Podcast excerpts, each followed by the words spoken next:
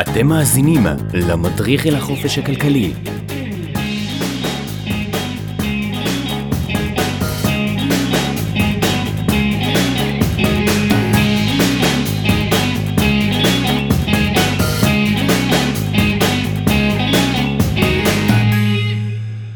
חברים יקרים, תודה רבה שהצטרפתם אלינו היום לפרק נוסף של המדריך אל החופש הכלכלי. איתי כרגיל אלכסי מולצ'נוב, בעלים, מנכ"ל, מייסד ומה לא של ריקום, חברה לייעוץ ושיווק נדל"ן. אלכסי, מה שלומך?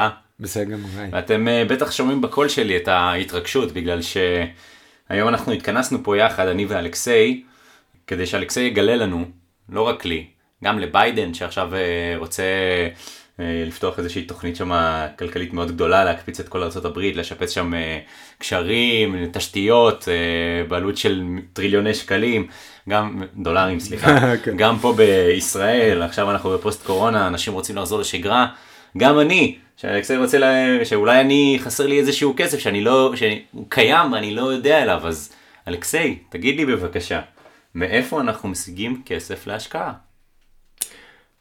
זה באמת פודקאסט מאוד מיוחד, כי אנחנו נביא לכם אה, סוד, איפה הכסף, איפה לוקחים כסף. אני יכול להבטיח לכם שבסוף הפודקאסט אתם תדעו איפה לקחת כסף. עוד פעם, אנחנו זוכרים שבלי לעשות כלום לא יקרה כלום. אני אגיד לכם איפה כסף, צריך רק לקחת. תעשו לי טובה, תעשו לנו טובה. קחו כסף איפה שאני אגיד. צריך בשביל זה אולי להרים טלפון, אולי ללכת. אולי קצת אה, לעבוד. או- אולי, אני לא מדבר לעבוד, כי אנשים לא אוהבים לעבוד. לא, לא לעבוד מבחינה של... כן, אה, כן, אבל להרים כסף מהרצפה, או להתקשר למי שצריך ולקחת כסף, בבקשה תעשו, כן? כן.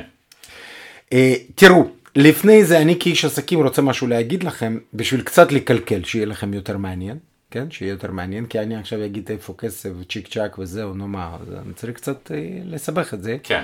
אז אני רוצה להגיד לכם שידוע, מי שעושה עסקים, שלא נכון לעבוד עם כל אחד, ופודקאסטים גם במקרה שאנחנו עושים, הם צריכים להיות עדיין ממוקדים ומיועדים לסוג ספציפי של אנשים. מסכימים? יעד. בדיוק, קהל יעד מה שנקרא. ופה מעניין כי אולי באמת, וזה דרך אגב שאלה אה, גדולה מאוד, האם נכון להסביר ולנסות לעזור לבן אדם שלא לומד, שלא, למרות שלא נכון להגיד את זה, כי אם הוא שומע אותנו הוא כבר לומד, נכון? כן. אז מי ששומע הוא כבר קהל יעד שלנו, אבל למה לא לפנות לאנשים ולהסביר להם איך להשקיע לאלה שיש להם 100, 200, 300 אלף שקל? שזה התחלה יפה, אני כדוגמה רק אגיד שיהיה סדר גודל, הבנות, כמה כסף צריך. עם 100 אלף שקל אפשר להתחיל לנסות אה, להשקיע בארצות הברית, ואנחנו נסביר את זה באחד מהפודקאסטים, עוד כמה פודקאסטים מהיום. יהיה לנו פודקאסט על השקעות אה, בארצות הברית. עם אה, 200, 300, 400 אלף שקל אפשר להשקיע ולרכוש משרדים בישראל. אה, וגם דירות, כן? אז אנחנו מבינים שצריך 100-200 אלף שקל לפחות בשביל להתחיל להשקיע. אז פה אנחנו יכולנו לעצור ולהגיד, אה, חבר'ה, למי שיש כסף קדימה, תשמעו מה עושים, ולמי שאין כסף, סליחה, אנחנו לא יכולים לעזור. תשדדו בנק ותחזרו אלינו. בדיוק. אה, אבל בטח גם דוד, גם אתם תגידו, נו, לא יפה, אתה הבטחת, אז כן, בוא תקיים. הבטחת. ואז גם למי שאין כסף, בואו נראה איך אנחנו אה, מביאים אותו. נשיא ביידן כולו יושב על הכיסא כבר מתרגש לשמוע. אתה לא יכול לאכזב אותו. נכון. במקרה של אה, נשיא ארצות הברית אני לא יודע כמה מה שאנחנו נגיד אה, נעזור לו, למרות מבחינת התוכנית שאתם יודעים, בשביל לעזור לעם צריך לעשות סיטואציה שהעם יוכל לעזור לעצמו. זה אומר שאם אנחנו רק ניתן אה, כסף ולא נלמד אנשים להתגבר ולעשות ולבנות, אה, הכסף ילך ושום דבר לא יקרה, זה הסיפור על חכה וכן. אה, חכה ודק. כן. זה אותו סיפור, לכן מה שאנחנו אומרים בהחלט יכול לעזור. אז מה שאני אגיד לכם עכשיו לכל אחד, ואני, אה, יש לנו כמה סעיפים מאיפה לקחת כסף, לא רק אה, מקור אחד, ואנחנו נתחיל מקרן השתלמות. חבר'ה, לכל אחד יש כסף בקרן השתלמות למי שיש קרן השתלמות ועוד לא בזבז את הכסף, עוד מעט אנחנו נדבר על זה ונבין. ולמי שאין, אני אספר לכם איך לעשות את זה. קרן השתלמות זה קרן שהרעיון היה שאנחנו פעם, כן, בשש שנים נוכל לקבל את הכסף ולהשתמש בו בשביל התפתחות שלנו, אישית, ללמוד ולהתקדם בחיים. אה, זה מאוד הגיוני, אני לא יודע איך בכל העולם, אבל גם בישראל, כן, פעם בשבע שנים, אחרי שש שנים, כן, זה פעם בשבע שנים, אה, גם האדמה צריכה לנוח, גם הפרופסורים באוניברסיטה צריכים לקחת שבתון, מאוד חכם. אני לא יודע אם יש את זה בכל העולם, אבל יהודים, אנחנו מדהימים, כי זה מאוד מאוד חכם. אני משוכנע שאותו פרופסור באוניברסיטה שמתעסק עם מחקר, בשביל להמציא משהו חדש, וזה צריך באמת לשנות אולי, כן? סביבה או, או סיטואציה, אה, ופעם בשבע שנים הוא צריך אה, לנוח וללמוד משהו אחר וכאלה, אותו דבר כמו שאמרנו עם אדמה, ואותו דבר עם קרן השתלמות, שזה כל בן אדם לא חייב להיות פרופסור באוניברסיטה. אז בואו נעשה פה סדר. קרן השתלמות זה כסף שאנחנו יכולים לשים בצד, שגם שם uh, מעביד וגם אנחנו כשכירים. מי שעצמאי זה קל, כי אתם מחליטים לשים כסף בצד, אה, אתם לא צריכים לשאול את אף אחד. מי שלא עושה את זה עד היום, זה טירוף, בבקשה. תפתחו קרן השתלמות היום, היום אולי לא כי אנחנו פה נכנסים עוד מעט לשבת, כן, לשבת. אה. אבל יום ראשון, יום שני תעשו את זה, בדקה אחת תתקשרו למעביד, אם אתם עצמאים תעשו את זה לבד, ואם אתם לא עצמאים, אני אספר לכם, או שיש לכם קרן השתלמות, כן, או שאין לכם, תבדקו, תשאלו, תבדקו, זה קל. ומה אני מציע? למי שאין קרן השתלמות, אתם צריכים לבוא למעביד ולהגיד שאתם מוכנים, גם אם המעביד לא מוכן, כי יש גם חלק שלו שם, את החלק הזה שהוא הוריד לכם ממשכורת. למה זה כדאי? כי תבינו, זה ביזנס מדהים. כל צד מרוויח, המעביד לא מפסיד שום כסף, הוא נתן לך, עשה לכם טובה בלי לתת כסף. למה הוא לא מפסיד כסף? כי אתה יכול, סתם דוגמה, אתה מרוויח 20 אלף שקל ברוטו. אתה יכול להגיד, אני לא מדבר על אלה שמרוויחים 3 אלף שקל, כן, כי, כי, כי אין שם מה לקחת. אבל דרך אגב אין לנו, כן, כי מינימום הוא 5 ומשהו. כן. אז אני אומר שכל מי שלא חשוב כמה מרוויח, אתם יכולים להגיד ולסגור עם uh, מעביד שיקטין לכם משכורת. על ידי זה שהחלק שחסר היה שמעביד צריך לשלם ולא מסכים, שיקח מכם. למה זה טוב? הבנת למה מעביד כן, לא מפסיד כסף? כן, אבל למה זה טוב בעצם? או, למה זה טוב שיהיה קרן השתלמות? כי זה כסף פטור ממס. זה אומר שאם אתם, סתם דוגמה שתבינו, אה, רציתי להגיד כמה אני רושם לעצמי משכורת. אה, לא יודע איזה רעיון טוב או לא, אבל כרעיון אני רק רוצה להגיד לכם שאני, אה, על הקרן השתלמות אני מגיע בשווי מס, למס שולי סליחה, למס שולי אני מגיע שם לא יודע ל-35-40 אחוז.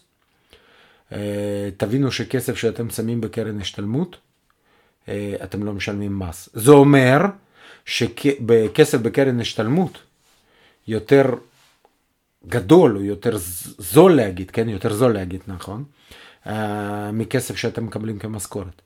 זה אומרת שקרן השתלמות חייב להיות לכל אחד במדינת ישראל, כי אתם פשוט לא משלמים מס הכנסה. אז, אז כאילו בואו נגיד אה, נדבר את זה בצורה של מספרים כדי שנבין את זה יותר טוב. נגיד ועכשיו אני מרוויח אלף שקל, אוקיי? בוא ניקח עשר. כן, עשר, לא- יאללה, כן, שיותר אה, ריאלי, נגיד אני לא עובד בסדנת יזע עדיין. נגיד אני מרוויח עשר אלף שקל. אני לא בקיא במאה אחוז במערכת מיסוי, אבל נגיד ו... על כל הרווח שלי אני צריך לשלם 20% למס הכנסה. אז בעצם אם אני מפריש חלק מהכסף הזה לקרן השתלמות, מהחלק הזה לא יהיה מס הכנסה. כן. אז זה בעצם... זה אומר שאני חוסך את כן, ה-20%. זה בעצם שאני חוסך על... אוקיי, אוקיי. אוקיי, אני, אני כבר אגיד יותר מזה, ואני אומר שבדרך כלל גם המעביד, אם אתם תדברו איתו יפה, וזה לא הרבה כסף, ואתם עובד אה, טוב, אה, הוא בדרך כלל גם יסכים. הוא בדרך כלל גם, גם יסכים. מי שלא עושה את זה כעצמאי זה טירוף, ותתקנו את זה כבר ביום ראשון. עכשיו אמרנו, להרבה אנשים באמת יש קרן השתלמות, ועכשיו למי שאין כבר יש. אמרנו מה לעשות, כן, קל, תעשו. זה מה שנקרא לא לעבוד. זה לא לעבוד. אם אתם עצמאים צריך להתקשר לרואה חשבון ולהגיד שזה קרה. זהו, זה, זה עבודה של טלפון אחד. ומה שאנחנו אומרים על הלא אה, עצמאים, זה עבודה לא של טלפון אחד, אולי פגישה אחת עם מעביד. עכשיו, אמרנו שאנחנו חסכנו וכסף הוא יותר זול, שזה מדהים, כי מיסים בישראל הם גבוהים, ואם אפשר לחסוך למה לא. כן, זה כאילו זה בעצם כסף שיכל פשוט ללכת למדינה, במקום ללכת לכיס שלנו. כאילו אם אין לנו קרן השתלמות. בדיוק. וגם חלק, אה, כן, חלק מזה, אבל אה, לא לשכוח שכסף שאתה משאיר בצד הוא נשאר, וכסף שאתה יום יום מקבל הוא גם, הוא גם נמחק בהגדרה, כי יש עניין פסיכולוגי, קיבלת כן, משכורת, כן. בזבזת, לא, לא לא. קיבלת, כן. לא בזבזת. אז זה קודם כל סיכמנו, ואני יכול להגיד לכם שאנחנו, כן, אה, אני למשל, תוך אה, שש שנים, אה, מגיע שם נגיד ל-100 אלף שקל. אנחנו דיברנו על זה שרוצים להתחיל, צריך 100 אלף שקל. אנחנו לא סיימנו, ועכשיו תבינו איך אני ממשיך להרוויח ומה עושים, איך מהקרן השתלמות אנחנו עושים עוד כסף ומשקיעים, כי זה מה שהיה מעניין. כן. אז אמרנו, יש לנו קרן השתלמות, ומה מרוויחים על קרן השתלמות חוץ ממיסים. פעם אחת הקרן השתלמות, כסף של קרן השתלמות מושקע בבורסה, ואנחנו שם מרוויחים בממוצע, אני מדבר על סטטיסטיקה, בלי לא אה, להיות ספקולטיבי מדי, אה, 5, 6, 7 אחוז 5-6 בשנה. אחוז, כן, זה ממוצע במאה השנים האחרונות. בדיוק. אז חוץ מזה שלא בזבזתם, וחסכתם מס, אז גם הרווחתם. גם הרווחתם. עכשיו אנחנו לא סיימנו כי זה רק התחלה ואנחנו על הכסף, על הקרן השתלמות מסכנה הזו, אנחנו נרוויח בלי סוף, עוד מעט תבינו איך. אמרנו חמישה אחוז בשנה, שישה אחוז, מדהים. בלי לעשות כלום, אנחנו אוהבים להרוויח בלי לעשות כלום. זה דרך אגב מה שנקרא הכנסה פסיבית. עכשיו בואו נראה איך אנחנו מכסף הזה עוד מרוויחים, וגם כמעט בלי, בלי לעשות כלום. מתברר שעל קרן השתלמות אפשר לקחת הלוואה. מדהים, תודה רבה לחברות ביטוח, למדינת ישראל שנותנת אופציה כזאת, שדרך אגב זה פנטסטי למי שיודע, כן? מי שלא יודע פשוט לא משתמש בזה, כן? מה זאת אומרת? בעצם לקחת הלוואה מהבנק כדי לשים אותה? כן, אני אגיד? לך, כן, לא רוצה להגיד בדיוק, כי גם החוקים משתנים, אבל אם יש לך אה, 100 אלף שקל בקרן השתלמות, אתה יכול לקחת 75 אלף שקל בתנאים מיוחדים. מה זה תנאים מיוחדים? נגיד ריבית אה, 2%. עכשיו תבינו את הקטע, זה פשוט מטורף. אנחנו עוד לא סיימנו, אנחנו מתקדמים איתכם צעד צעד, איך אתם תראו איך מרוויחים כסף והרבה בלי לעשות כלום. אמרנו חמישה, אה, חסכנו 20 או 30 אחוז מס הכנסה, סבבה. על הכסף הזה.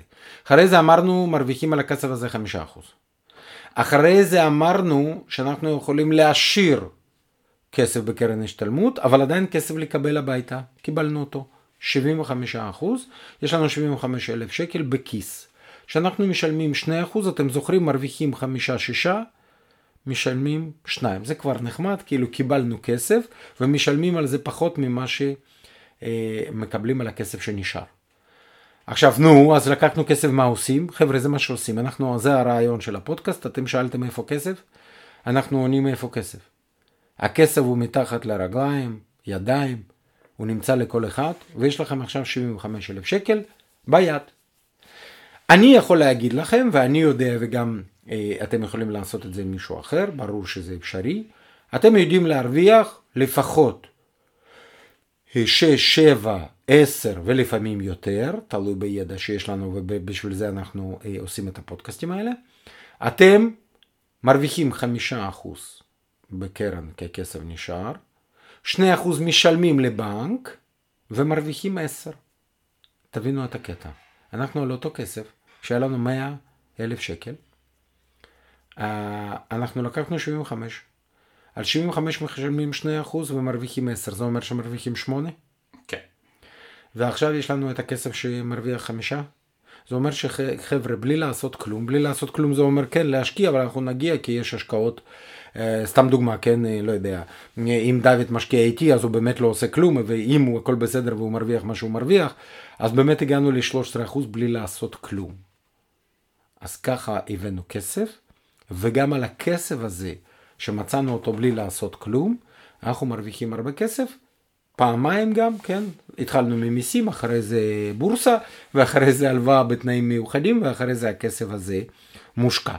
דוד תשאל האם לא ברור, מה עם הכסף הזה, מה עם הקרן, איך זה עובד, מה לא ברור לך, נשמע יותר מדי טוב, פחות מדי טוב, מה אתה אומר? דבר ראשון זה נשמע יותר מדי טוב. אה, אבל אני לא לגמרי יורד אה, לסוף דעתך. ה-75 אלף האלו שאנחנו לוקחים להלוואה, זה אומר שבעצם אחרי זה נשאר לנו 25 אלף בקרן השתלמות? לא. אז זה בנוסף, אז כאילו סך הכל יש לנו 175 אלף שקל.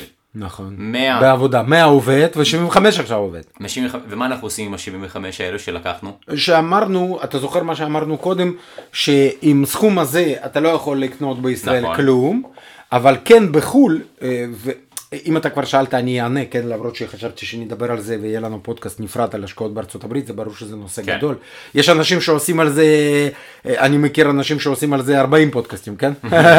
אנחנו נעשה על זה פודקאסט אחד, אנחנו לא נחפור לכם על זה יותר מדי, אבל אה, בארצות הברית, אה, אתה דוד, אם רוצה לקנות בית בארצות הברית, אתה לא יכול לעשות את זה עם 75 אלף שקל, כן, זה- אבל אתה יכול להביא חבר שיש לו גם 75 אלף שקל, אז- ואתם ביחד, אה, או כן. אבא, או לא חשוב, שכן, או חבר מצבא, או לא חשוב איפה, ואתם שניכם קונים בית בארצות הברית ב-100...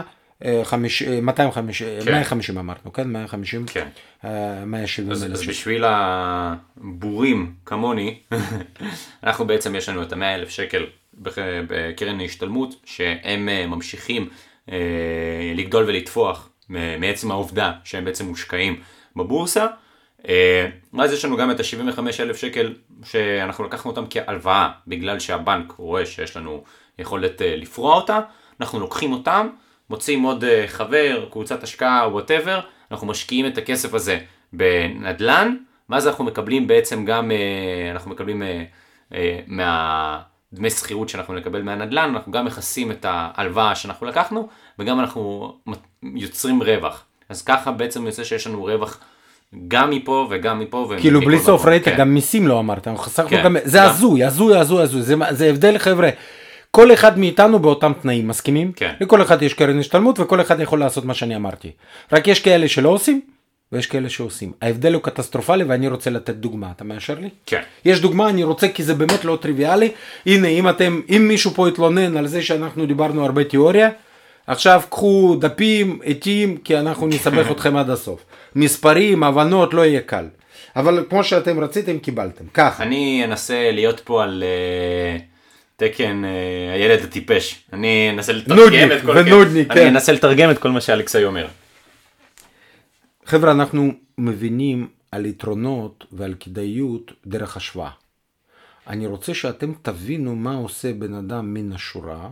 נורמלי, חכם, נחמד, לא אידיוט, לא כלום, הכל בסדר. רוב מאיתנו כאלה. אבל אם אנחנו רוצים להשתפר ולהרוויח ולהתעשר, אנחנו צריכים קצת, קצת לשנות את העניינים. אז בואו אני אספר לכם.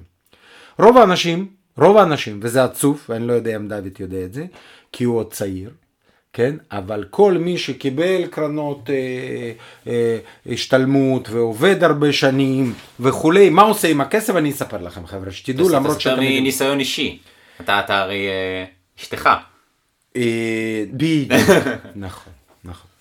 חבר'ה, בדיוק, אני גם בדיוק כזה, אה, אל תדאגו, הכל בסדר. פשוט אצלי, אני בביזנס של נדל"ן, ואני מרוויח על הנדל"ן, ואני קונה נדל"ן, אז אני גם, לא כל הכסף הולך להשקעה, אז חלק הולך להשקעה, וחלק הולך לשיפוץ בבית וכולי. אז בואו ניקח דוגמה, שיכולה להיות דוגמה גם שלי, אבל עוד פעם, אני דוגמה פחות רלוונטית, כי אני משקיע המון, ואני אה, אפילו קיצוני בזה, זה אומר שכל מה שאני מרוויח, זה לא מספיק להגיע הביתה, אני, אני כבר קונה אה, נכסים. כן. אז אני, אה, בקטע הזה אני נגיד בסדר, אני נגיד כן. בסדר. בואו נדבר על אלה שפחות בסדר, כי אנחנו רוצים לשפר את המצב שלהם. הם לוקחים קרן השתלמות, כולם, כולם, אה, הרבה, רוב. דרך אגב, אלה שיש להם הרבה כסף וזה, לא עושים מה שאני אמרתי עם הכסף, כל הקומבינציה הזאת, אבל כסף נשאר שם בקרן השתלמות הרבה שנים ולא לוקחים.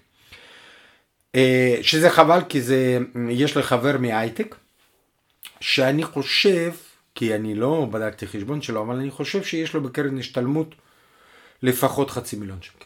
לפחות, אולי מיליון שקל. והוא לא עושה עם זה כלום, שלפי דעתי זה בהחלט בהחלט לא נכון. אה, אבל הנה זו דוגמה. בואו נדבר על אלה שהם לוקחים כסף ומבזבזים.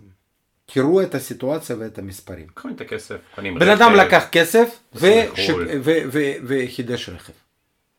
אנחנו גודלים, משפחה גודלת, אה, רכב מזדקן, צריך להחליף, עושים את זה, אה, לא יודע, 60% מ- מאזרחי ישראל, קונים רכב חדש.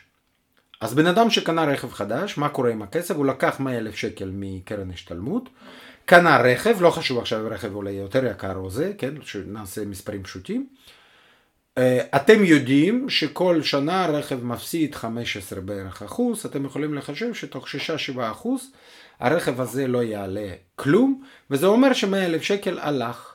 וזה בדיוק אבל מה שאנחנו אמרנו בתיאוריה, זה, זה בדיוק התשובה לכל אלה שציניקנים ואומרים שאנחנו סתם אה, טחנו מים בתיאוריה. בדיוק דיברנו על זה, על הוצאות שליליות והוצאות חיוביות. ואיך אנחנו בעצם צריכים לבזבז כסף רק מתי שאנחנו באמת יכולים לכסות את ההוצאה הזו. לקנות רכב זה חשוב וזה משפר חיים וזה הכי טוב שיש וכאילו אני לא יכול לדמיין את החיים שלי בלי רכב אבל כדי שאני אוכל להוציא כאילו אם אני פורס את זה 3,000 שקל בחודש על רכב אז אני צריך איכשהו שיהיה לי משהו שיכסה את זה. נכון. אז אנחנו כבר דיברנו על זה, על כל העניין של הוצאות אה, כן, אה, טובות ולא טובות. פה אני רוצה שאנשים יבינו על קרן השתלמות איך אפשר לעשות או הרבה כסף או קצת. או כלום. או כלום.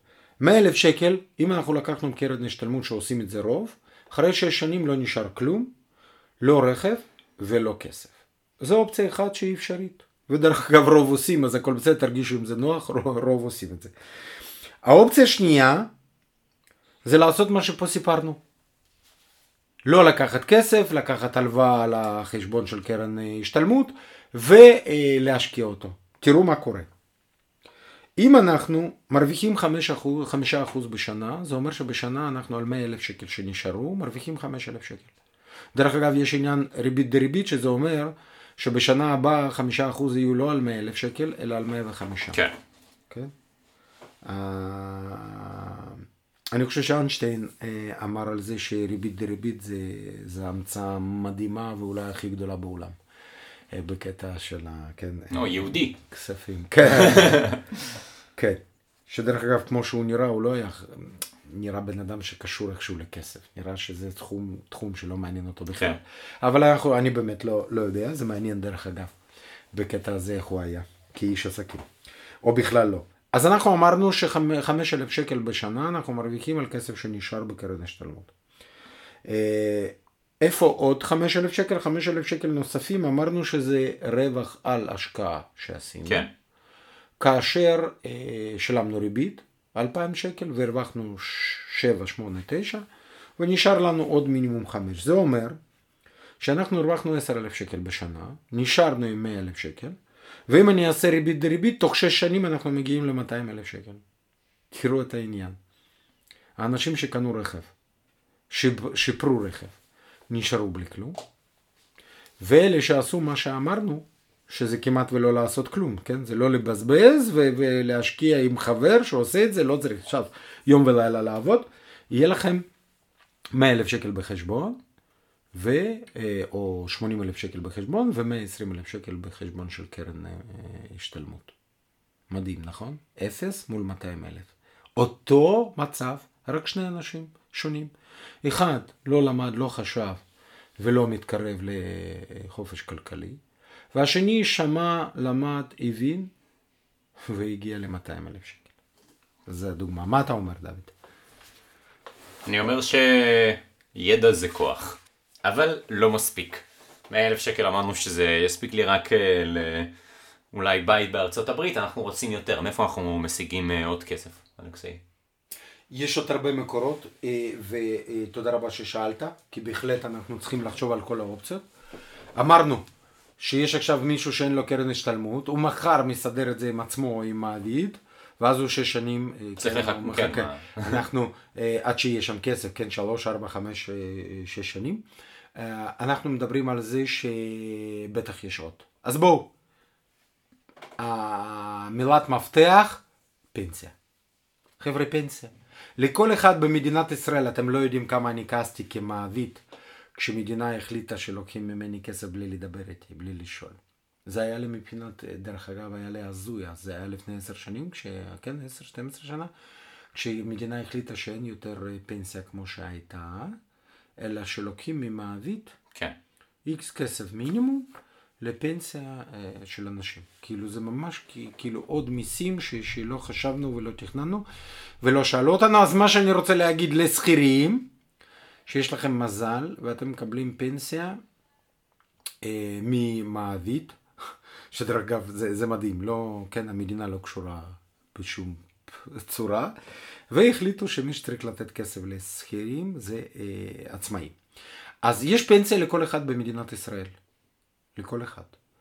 אני יכול להגיד לכם שלי, שאני, אה, כשהייתי עצמאי, אני אה, אה, שמתי בקרן פנסיה לא הרבה כסף, אני שם מינימום. אם אתם תשאלו אותי למה, כי אני מרוויח, מעדיף להרוויח כסף ולהשקיע, כן, אני קניתי משרדים. כן, זו אותה מטרה, כאילו... בדיוק, לקחתי כסף ומיד השקעתי ולא שמתי בפנסיה, עוד מעט אתם תבינו למה, כי אתם לא יכולים להשתמש בכל הכסף.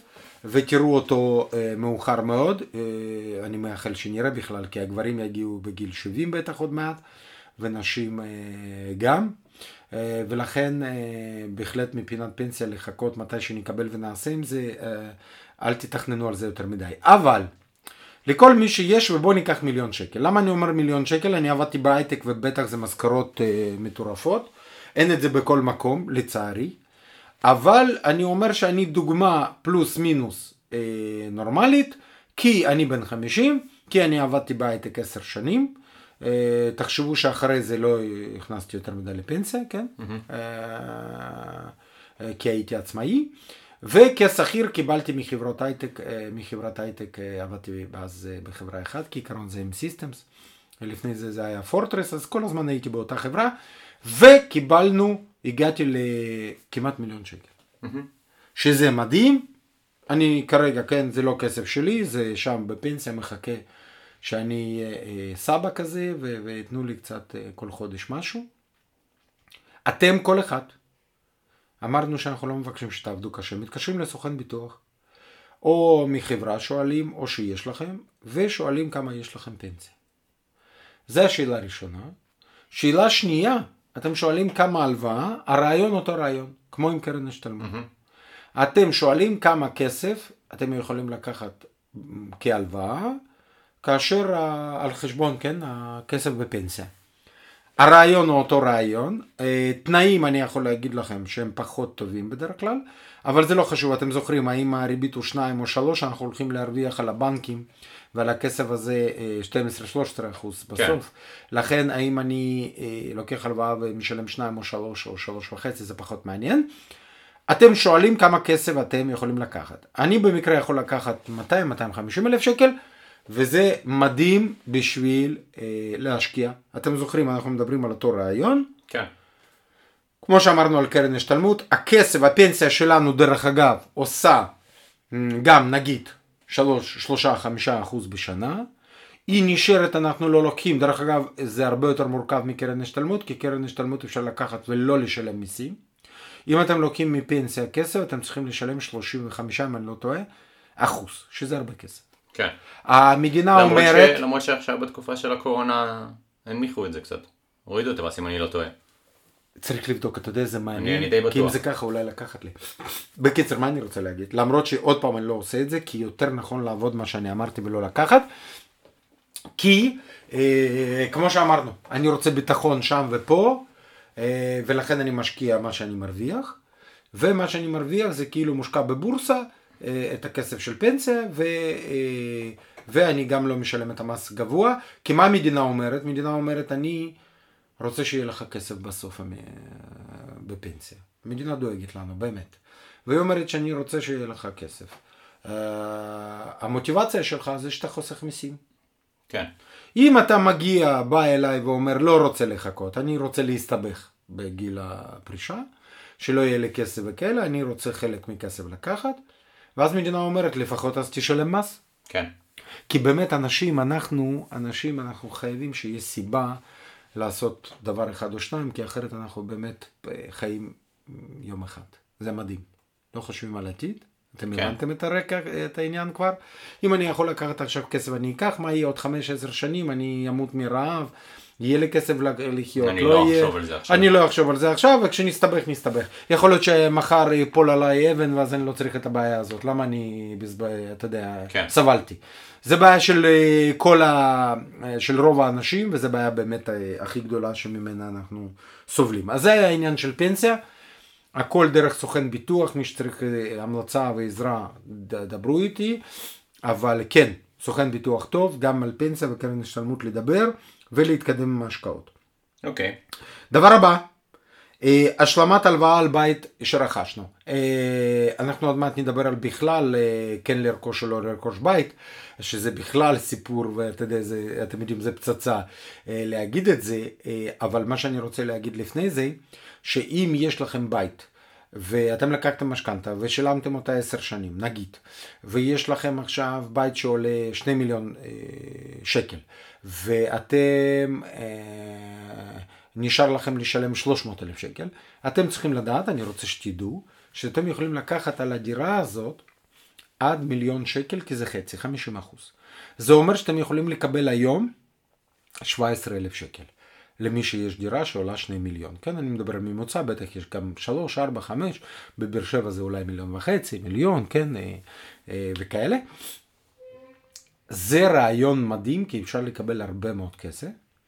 אם הכסף הזה צריך לעבוד חכם ואולי יותר סולידי, זה אומר שנגיד לא תרוויחו 10%, אבל תרוויחו 6%, 7%, ועכשיו תשמעו טוב, שאם אתם משלמים על ההלוואה הזאת 3.5% ומרוויחים 7, נעשה את זה, כן? אה, פי 2, שזה בהחלט אפשרי, כן? אה, אתם מרוויחים על הכסף הזה 3.5% בשנה, שזה מדהים, ואם אנחנו מדברים שיהיה לנו קל על מיליון שקל, אנחנו מדברים על 35 אלף, דוד, אני צודק? על ש... מיליון, שלושה וחצי אחוז, זה 35 35,000, אלף כן. בשנה. חבר'ה, עכשיו, אתם שמעתם איתם, ביקשתם כסף? אל תגידו שלא נתנו. עכשיו, כל אחד במדינת ישראל, בלי לעשות כמעט כלום, מה כלום, אמרנו, כן? פעם אחת צריך רק להתקשר לבנק, או להסתכל בתדפיס של ה... באינטרנט כמה יש לכם הלוואה, וכמה הבית שלכם עולה, זה גם קל לבדוק עם השמאי או עם המתווך, כן. כן? זה, זה שבע דקות עבודה. ואז פתאום קיבלתם 700 אלף שקל. ש-700 אלף שקל נגיד זה לא 35 אחוז רווח על ההשקעה שאמרנו, אלא 30. מה זה 30 אלף שקל בשנה חבר'ה? זה, זה 2,800-2,700 כן? בחודש. כן. מתנה אמיתית. ואנחנו לא עושים את זה. אז רציתם כסף להשקעה, הנה קיבלתם 700 אלף שקל בדקה אחת. מתקדמים. אתם כבר קיבלתם, בואו אני אעשה חשבון, כמה נתנו במתנה היום? 100 אלף שקל קרן השתלמות, 200 אלף שקל פנסיה, פנסיה. והנה יפה, מספרים יפים, ו-700 על הבית הקיים. זה אומר שקיבלתם היום, אמיתי, אמיתי, אמיתי, מיליון שקל. לא יודע איפה מי בפודקאסטים, כן, מחלק מיליון שקל ככה בחמש דקות, לא יודע. אנחנו כנראה ראשונים בארץ, וזה אמיתי לגמרי. אמיתי, אמיתי, לא אולי ולא סיפורים. דבר הבא, מה אנחנו עושים? תחשבו עכשיו, אין לכם כסף בכלל,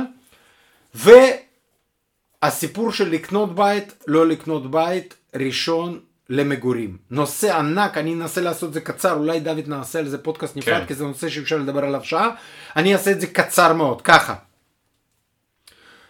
בוא נניח שדוד יש לו זכויות, כי זה לא נניח, אלא אמת, ואם דוד מתחתן, דרך אגב, כל ההבדלים האלה צריך לבדוק. נגיד שדוד עכשיו אה, אה, הקים משפחה צעירה, ויש לד, לדוד, כמו לכל זוג ב, ב, ב, בישראל, במדינת ישראל, זכות לקנות דירה ראשונה בתנאים מיוחדים. כן. תעזבו כרגע את המחיר למשתכן וכל הדברים האלה, אני כבר, כן, יש, אין, נגמר, תוכניות חדשות, לא חשוב. תמיד היו אה, הנחות, כן, או תוכניות מיוחדות לזוגות צעירים. תמיד כנראה היו ויהיו ו- וזה בסדר גמור. כי מדינה, מדינה אה, מעודדת אה, משפחות וילדים וזה ברור. Mm-hmm. אם לא נעשה את זה לא יהיו משפחות ולא יהיו ילדים, צריך לעזור לאנשים כן. לעשות את זה. אז אה, אנחנו מדברים על זה שיש כל מיני אה, תוכניות והטבות לזוג צעיר. אבל, אבל, דוד עכשיו צריך, בשביל להשתמש בזכות הזאת, ולקחת הון עצמי. 70 אחוז, אה, גם מבנק במקום 50, 70, 75, כן? אני לא יודע, אני כבר מזמן, כן, לא זוג צעיר ולא דירה ראשונה, אז אני זה, אבל אה, כן, אה, משהו כזה, אה, גם לקבל הלוואה בתנאים טובים, וגם בהרבה הלוואה, כן, כהרבה אחוז אה, מהנכס. אבל דוד צריך הון עצמי, כמו שהוא אמר. דרך אגב, זה לא רק דוד, כן? כל זוג צעיר צריך הון עצמי, ולכל זוג צעיר כמעט אין אותו. כן. ובוא נניח שאתה צריך, אם אנחנו כבר מדברים על הסיפור הזה, 200 אלף שקל? 300? 200? מה אתה רוצה? אני לא יודע איפה אתה יכול לקנות היום דירה ב-200-300 אלף לא, שקל. הון עצמי. כן, אני יודע. אז נגיד 300? נגיד 300. 300. למה אתה ככה? בבאר שבע, לא, בבאר שבע, במיליון אבל- שקל, מיליון מאה, אפשר לקנות משהו. אתה כרגע בבאר שבע, אל תשכח. מה אתה לי פה, כאילו אתה מסן פרנסיסקו. אז אנחנו מדברים על זה שסיכמנו דוד צריך 300 אלף ואין לו. שבאמת אין לו, אני גם יודע, וגם אתה, לצערי, אין לך. תגיד לי דוד, אני אגיד לך, אנחנו מדברים פה עם אנשים כאילו הם אנשי עסקים, רוצים שכולנו נהיה חכמים, נעשה כסף מהאוויר, על ידי ידע ופעולות נכונות, נכון? אני אשאל אותך, יש כלל בעסקים, שתדע אותו, למרות שאתה עוד לא בעסקים, אבל אני מאחל לך, אם מדינה, אה, לא חשוב מדינה, דרך אגב, אם יש אפשרות לקחת כסף בתנאים טובים, אסור לא לקחת. אנשים שהם לא אנשי עסקים לא יודעים את זה, בסדר? אז בוא נשים בצד, אני, סולחים לך שאתה לא יודע, כי אתה לא, באמת לא צריך לדעת, אבל אני יודע, ועכשיו גם מאזינים יודעים, שאם יש אפשרות לקחת כסף בתנאים טובים, צריך לקחת אותו. נכון. עכשיו, אנחנו פה מדברים עם אנשים שהם משקיעים מתחילים או לא מתחילים, וכל משקיע הוא איש עסקים איפשהו, נכון? נכון. אז עכשיו תשמע, המדינה נותנת לך בתנאים מדהימים, פריים מינוס אחד, שמי שלא יודע זה, זה לא יודע, כמעט חצי אחוז, 0.7 אחוז, שזה בחינם, כסף בחינם, נותנים לך, ברור שמי שלא יודע מה לעשות עם כסף לא לוקח אותו כי הוא מבזבז ואז הוא חייב לבנק אה, כסף ואין לו כלום. ברור אנחנו מדברים על אלה שיודעים מה לעשות עם כסף, כן? מי כן. שלא יודע מה לעשות עם כסף שלא ייגעו. אז אנחנו כן יודעים, נכון דוד? כן. אנחנו כבר כולנו יודעים פה, כל האלפי, אה, כן, אה, מאזינים שלנו כבר יודעים מה לעשות עם כסף. אז אני אומר כזה דבר. אין לך כסף, אבל יש לך זכות במדינה לקנות במחיר זול, נכס. עם הון נמוך, כן. עצמי נמוך, בתנאים מדהימים של הלוואה, ואתה לא קונה. למה דוד? כי אין לך הון עצמי. אני רוצה להגיד לכל המאזינים וגם לדוד, שזה ממש מטורף לא להשתמש בזכויות האלה, כי כל יום שאתה מחכה וחוסך כסף, הדירה עולה באותו סכום או יותר גבוה. זה, הזוי, אתה מסכים? אני אף פעם כן. לא יכולתי להבין. עכשיו אני נותן לכם פתרון, איך משתמשים בזכות ואיך מרוויחים וגם בלי כסף.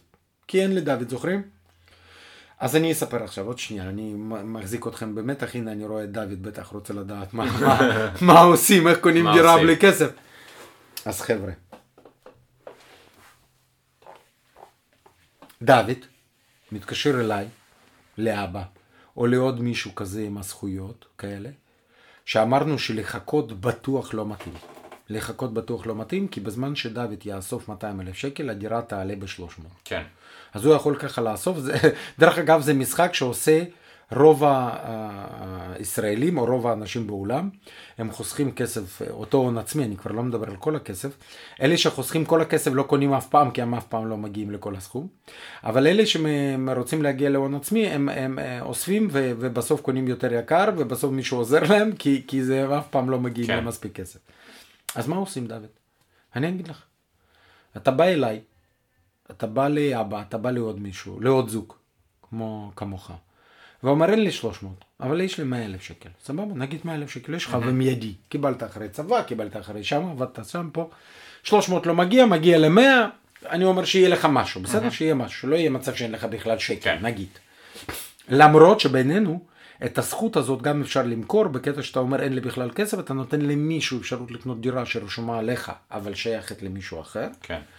ואתה נתת את הזכות ומכרת את הזכות ב-100 אלף שקל למשל. אז גם אפשר לעשות עם זה משהו גם כשאין לך כסף. אבל נגיד יש לך 100 אלף שקל, או 150 שנעשה שיהיה קל, אתה מביא עוד מישהו שמביא עוד 150, והוא יכול להיות שאין לו זכויות האלה, ברור, ואז אתה קונה דירה בלי שהיה לך כסף, והדירה הזאת להשקעה גם. כאילו אני אומר פה שני דברים שונים. פעם אחת לא מחכים לכלום. ברגע שיש לך זכות לקנות, אתה קונה למחרת. אתה אוסף אנשים שבאים איתך לקבוצה, קבוצה הזאת של כן. המשקיעים, ואתה משתמש בזכויות שלך, לוקח הלוואה וקונה דירה ובית, לא חשוב מה, עוד אבל- מעט נגיד איזה, ואתה לא מחכה יום אחד, ואתה משתמש בכל הזכויות שלך, אז מפה אנחנו רק צוברים רווח, כי בעצם אנחנו גם אה, מעצם ההשכרה של הדירה, אנחנו מקבלים אה, תשואה. לא חיכינו ו- שהיא תעלה, וגם מבחינה של בכל יום שהיא- שעובר, אנחנו יודעים שבמציאות שלנו שהנכס עולה, והערך שלו עולה, ואם אנחנו נמכור את זה עוד חמש שנים, אז אנחנו גם נרוויח רווח אה, על בעצם השווי החדש של הדירה, וגם בעצם כל התשואה שאנחנו קיבלנו עד עכשיו. לגמרי. אז קודם כל אמרנו שאם יש לך זכות, אתה זוג צעיר למשל, רוצה לקנות, לא מחכה לכלום. אתה אוסף כסף מחברים, אומר חבר'ה, קונים. עכשיו, איפה בעיה? אתה לא אמרת איפה בעיה כמו עם המקרה של הרכב. הבעיה- אתה אומר אתה רוצה לגור, קנית לעצמך, כל האחרים איך הם נכנסו? כן. מה הם... אז אני אענה לך. אתה לא קונה שום דירה לצורך לגור בה. איך אני איתך? ואני עכשיו אסביר למה. קודם כל, כשאתה עושה את הקומבינה הזאת, האנשים רוצים איתך להשקיע, הם לא רוצים לקנות לדוד דירה. נכון. כולם אוהבים את דוד, אבל לא כולם באים ואומרים, דוד, כל אחד זרק פה 100 אלף שקל, בשביל שלדוד תהיה דירה. אוקיי? אה, למרות שדוד הוא איש מקסים, אבל אה, עדיין זה, זה לא יקרה כל כך מהר, ואתה גם ממש- לא מצפה. צריך להיות ממש מקסים. נכון, מאוד, מאוד. אז אני רוצה להגיד לך שאתה קונה דירה להשקעה. אתה לא קונה דירה לגור, אף פעם דרך אגב. אתה רוצה להשתמש בתנאים טובים שמדינה נותנת, ואתה אוהב את המדינה ורוצה להחזיר לה על ידי זה שאתה לא מבזבז, כן. אלא חוסך. ואז מה אתה עושה? אני רוצה להגיד לך משהו עובדתי, עובדתי, ושמאזינים ידעו את זה. שאותה דירה שאתה הולך לקנות ולגור בה, מביאה בערך 2% תשואה. היא לא מביאה כלום, היא מביאה שאתה מת, כי אתה גר בה, כן. והיא מתפנה בזמן שאתה מת.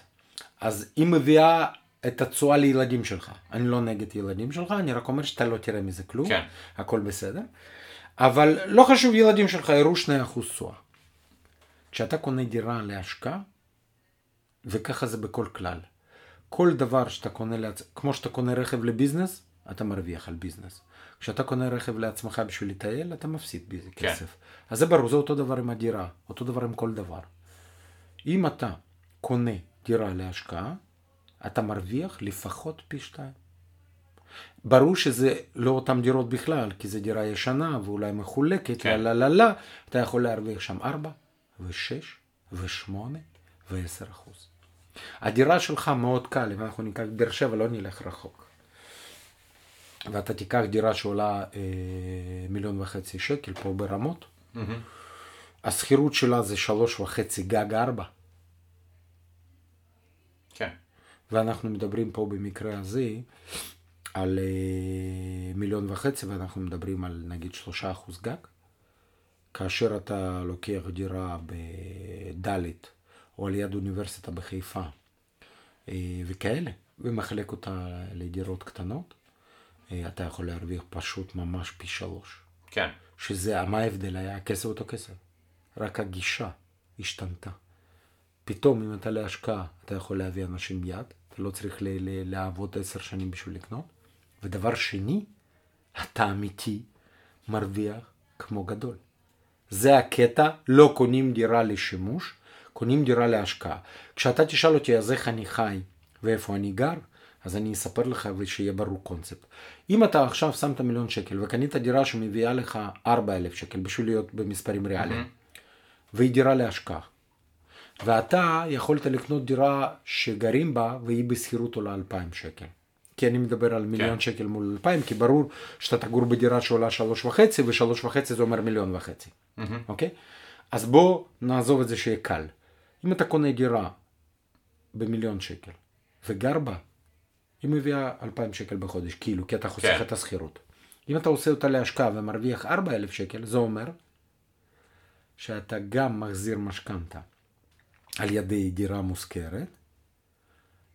דרך אגב, באותה תקופה זה מדהים. הבנת למה? כי היה לך ארבע, נשאר לך שתיים לשכירות ושתיים להחזר הלוואה. להלוואה, כן. אבל גם גנית, היית קונה לעצמך והיית מחזיר שניים, זוכר? כן. למה? כי זו דירה יותר יפה, השכירות היא, כן? אה, הדירה יותר יקרה, כן? לכן אני רוצה להגיד שמה שקורה זה פנטסטי. אתה גר בשכירות ולא גר בדירה שלך, אבל זו אותה דירה, ועם הזמן אנשים, אתה יודע, זה, זה קל. למה? זה גם נוח, למה לעשות שיפוץ ענק וזה, תגור בדירה אה, שלוש פלוס שלוש, או חמש פלוס חמש שנים, שזה המון זמן. אתה מרגע זה, דוד, לא צריך בכלל לקנות, אתה גר באותה דירה, ואף אחד לא יזיז אותך, ואין לך שום תירוצים להגיד שזה לא מתאים, אבל אתה זוכר, מיד קנית ומרוויח פי שתיים. זה פשוט מדהים, וזה מה שאני מציע, כי עוד מקור לכסף ולהתקדם.